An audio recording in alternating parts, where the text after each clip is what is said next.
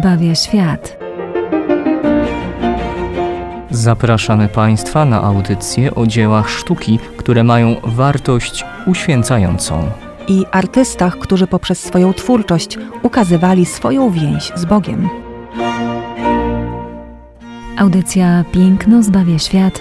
Radio Jasna Góra. Zapraszamy.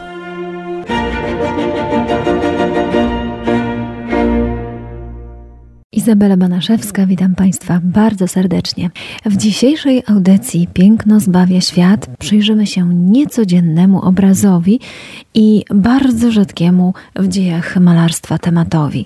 Śmierć Elenai. Jest to obraz autorstwa Jacka Malczewskiego artysty kojarzonego przede wszystkim jako prekursora symbolizmu w Polsce. Zanim jednak Jacek Malczewski mm, stał się symbolistą, bo pamiętajmy, że e, ten rozdział jego twórczości to dopiero drugi etap, na który w pewnym momencie Jacek Malczewski dopiero wskoczy. Natomiast cały pierwszy etap jego twórczości to przede wszystkim malarstwo patriotyczne. Tak właściwie moglibyśmy o nim powiedzieć. Będą to sceny historyczne, oczywiście ukazujące różne epizody z historii Polski, ale nie jak w przypadku mistrza i nauczyciela Malczewskiego, czyli Jana Matejki, z odległej historii, a z historii jemu współczesnej, do tego wszystkiego za chwileczkę dojdziemy, zaraz to wszystko sobie poukładamy. Pamiętajmy jednak, że śmierć Elenaj, obraz z 1883 roku, autorstwa Jacka Malczewskiego, znajdujący się dzisiaj w Muzeum Narodowym w Krakowie, to temat naszego dzisiejszego rozważania. Tradycyjnie najpierw kilka słów o samym artyście. Jacek Malczewski pochodził z rodziny ziemiańskiej. Bardzo szybko otrzymał gruntowne wykształcenie i rozpoczął studia malarskie, będąc jeszcze w gimnazjum.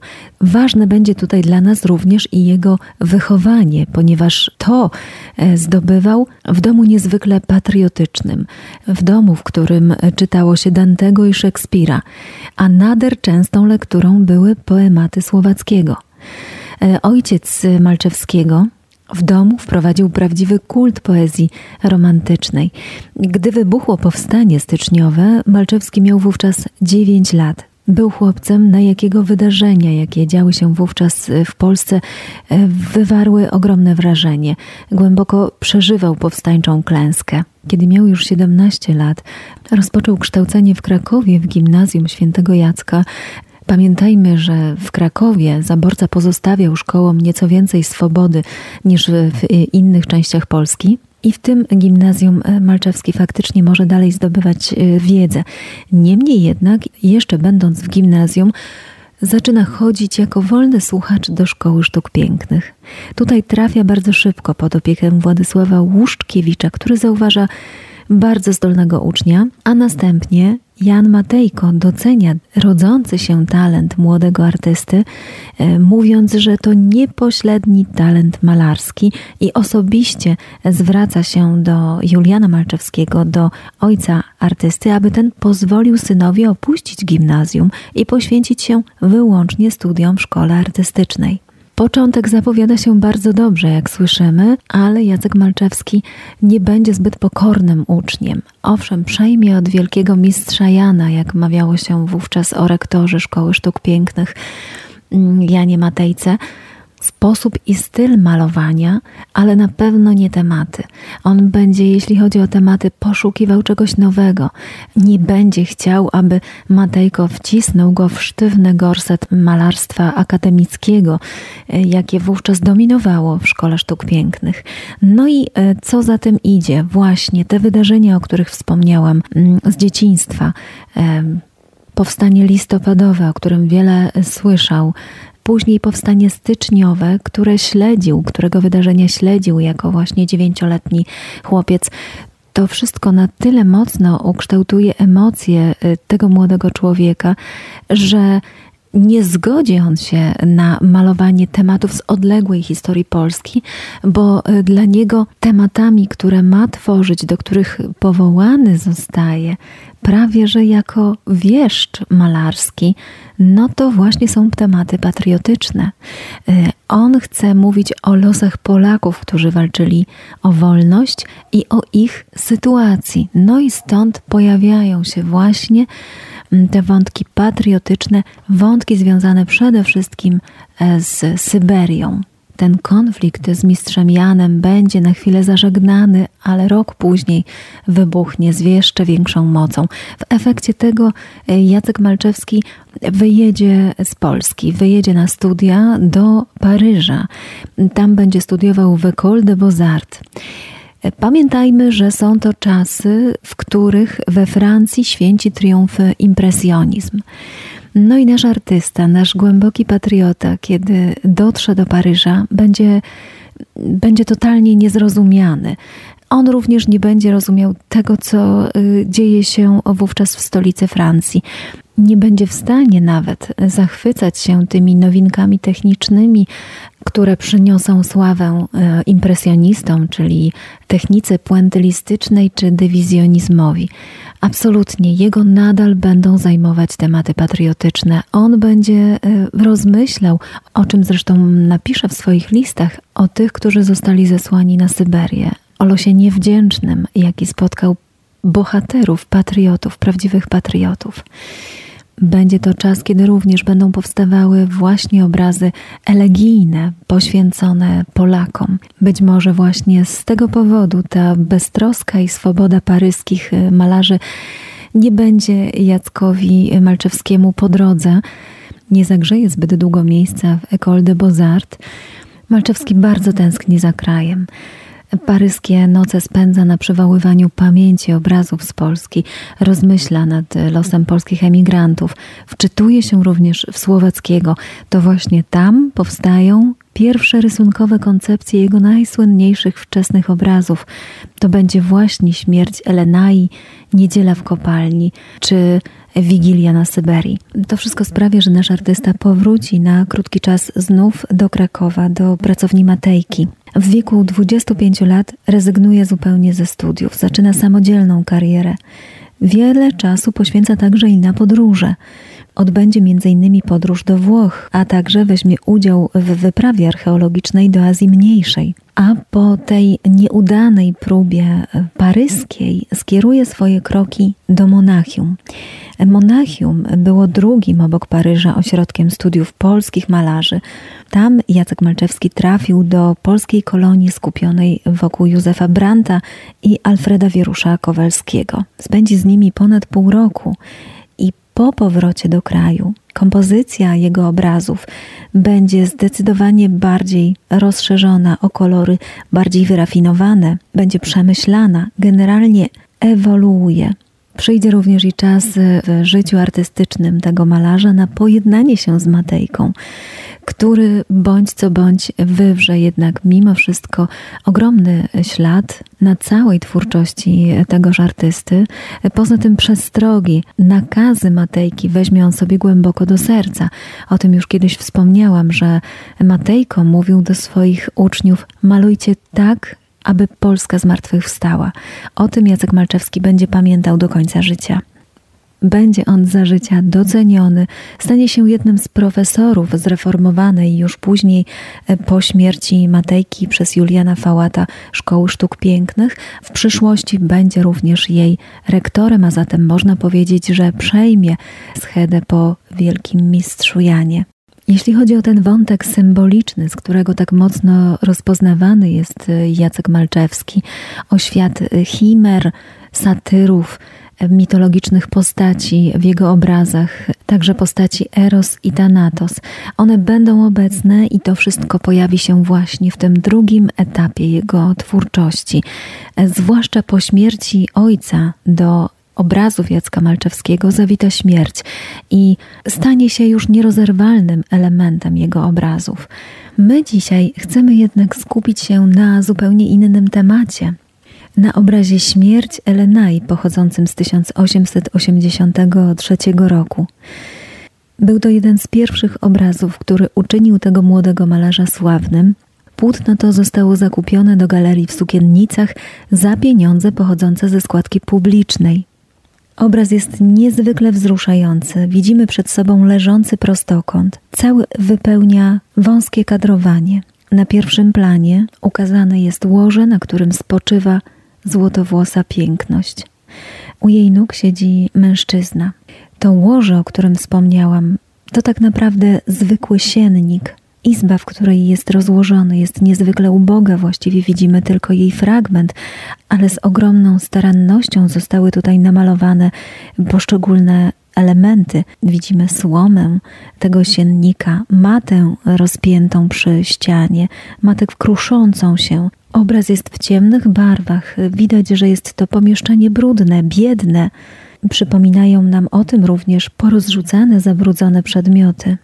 Nad leżącą na swoim łożu śmierci złotowłosą pięknością wisi ikona Matki Bożej w typie Hodegetri. Są tutaj także i inne atrybuty świadczące o wierze i pobożności mieszkańców tego domostwa. Jest świeca i różaniec, jest także Pismo Święte. Młodzieniec, który siedzi na łożu u stóp zmarłej, jest zadumany. Obraz ma nastrój melancholijny, nawet elegijny, można by było powiedzieć. Wzrok mężczyzny jest spuszczony. Wydaje się, jak gdyby opuściła go zupełnie nadzieja. Doświadcza czegoś, co jest dla niego wyjątkowo trudne. Wszystko to, co opisałam do tej pory, nie wyjaśnia jeszcze samego tytułu obrazu Śmierć Elenai 1883. Kim jest Elenai i kim jest młodzieniec siedzący? Elenai możemy się domyślać, że jest zmarłą, blond włosą, złotowłosą kobietą, która leży na tym bardzo ubogim sienniku. Pamiętając jednak, że w domu Malczewskiego panował kult poezji romantycznej i czytywało się tam słowackiego, bez problemu domyślamy się, że chodzi tutaj o jego poemat Angeli. Słowacki opisuje w nim tragedię zesłanych na Syberię powstańców listopadowych. Oczywiście w momencie, kiedy obraz ten jest wystawiany, czyli w 1883 roku, większość widzów pamięta jeszcze powstanie listopadowe. Pamięć o nim jest żywa wśród oglądających. Żywa jest także pamięć oczywiście powstania styczniowego. Do tego tematu, do śmierci Elenai, Jacek Malczewski powróci jeszcze wielokrotnie. W 1907 roku przedstawi identyczny temat śmierć Elenai w zupełnie innej kompozycji, natomiast w 1909 roku ukaże się jego obraz zatytułowany Eloe ze zwłokami Elenai. Tytułowy bohater poematu Juliusza Słowackiego Angeli to młodzieniec przebywający na Syberii, Młodzieniec, którego ojciec zginął walcząc za ojczyznę, a matka niebawem umarła z żalu. Zostaje on wybrany spośród polskich, wszystkich polskich wygnańców, jako jeden, jedyny, nieskazitelny i nieskalany żadnym grzechem podłym. Jest on przedstawiany w poemacie jako czysty i bezgrzeszny, aby móc nieść w sobie ciężar cierpienia ze wszystkich swych rodaków. Angeli zostaje w tym dramacie poddany kilku próbom cierpienia i przechodzi przez kolejne progi poznania, widzi próby wykorzenienia wiary i poczucia przynależności narodowej wśród dzieci, widzi trumny męczenników, ludzi zamordowanych, poniżanych, obrzucanych oszczerstwami, widzi ludzi cierpiących, poddających się rozpaczy i samobójców. On sam jest jednym z wygnańców, jednak przez cały czas zachowuje czystość. Nie poddaje się rozpaczy. Współmieszkanką Angelego jest Elenai, była zbrodniarka, która zostaje nawrócona i odkupiona. Kiedy to się jednak staje, Elenai umiera i jej duszę zabiera Eloe, anioł opiekujący się na Syberii Polakami. To po jej stracie właśnie rozpacza Angeli, który został tutaj ukazany siedzący u stóp zmarłej Elenai. W dramacie słowackiego na samym końcu umiera także i sam Angeli, który odchodzi wpatrując się w ptaki lecące w kierunku ojczyzny. Juliusz Słowacki oczywiście niezwykle inspirował artystów. Świadectwem tego jest chociażby poemat symfoniczny e, Różyckiego, zainspirowany również Angelim, a także i to, że temat Elenai i Angelego podejmowało kilku malarzy polskich, obok Jacka Malczewskiego także Pruszkowski. Przyjrzyjmy się zatem kompozycji tego niezwykłego dzieła sztuki. Jednolita brunatno-złota tonacja barw, a jedyne źródło światła w tym obrazie to odkupione ciało Elenai. Jej złote włosy, jej prawie biała cera, jasne odzienie i jasne futro, jakim jest przykryta, leżąc na swoim posłaniu. Obok tego jej łoża stoi świeca, ale jest to świeca wygasła, a więc nie świeca jest tutaj źródłem światła, ale właśnie ciało odkupionej grzesznicy. Bardzo ważne są tutaj dla nas szczegóły. Rozrzucone naczynia, właśnie ta zgaszona świeca, różaniec, ikona, a także z niezwykłym mistrzostwem oddana materia. Futro, jakim przykryta jest Elenai, jest wyjątkowo puszyste. Słoma jest oddana w bardzo kruchy sposób. Szorstkość poszarpanego obicia jest tutaj doprowadzona do perfekcji. Wiemy o tym, że Malczewski przygotowując się do malowania tego tematu, wykonał wcześniej wiele studiów z natury. Jeśli chodzi o samą kompozycję, została ona zaczerpnięta z obrazu Simlera Śmierć Barbary Radziwiłłówny. Tam również blisko ramy obrazu mamy rozciągnięte wzdłuż niego y, łoże, na którym leży umierająca kobieta.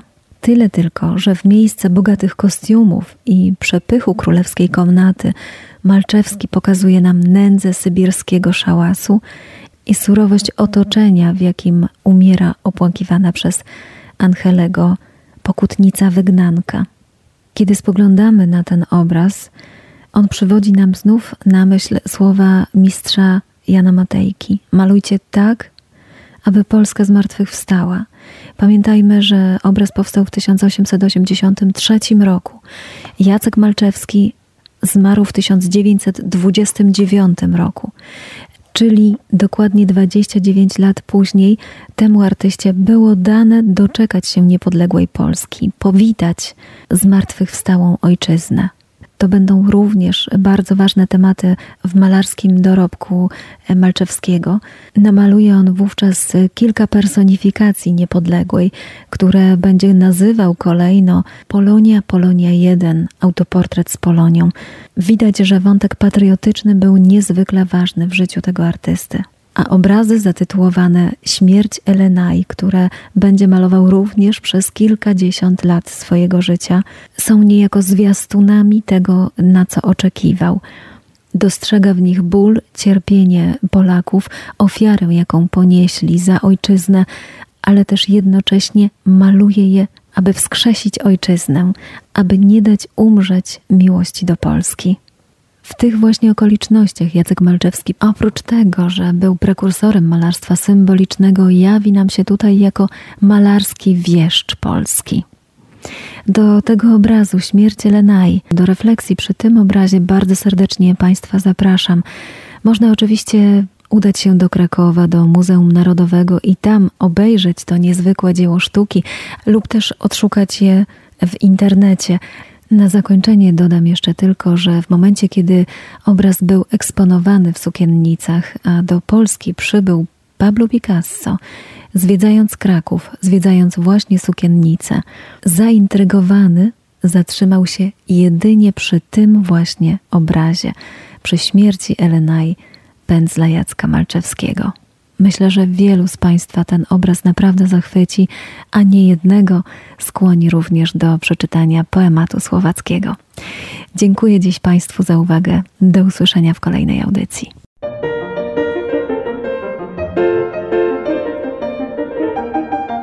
Piękno zbawia świat.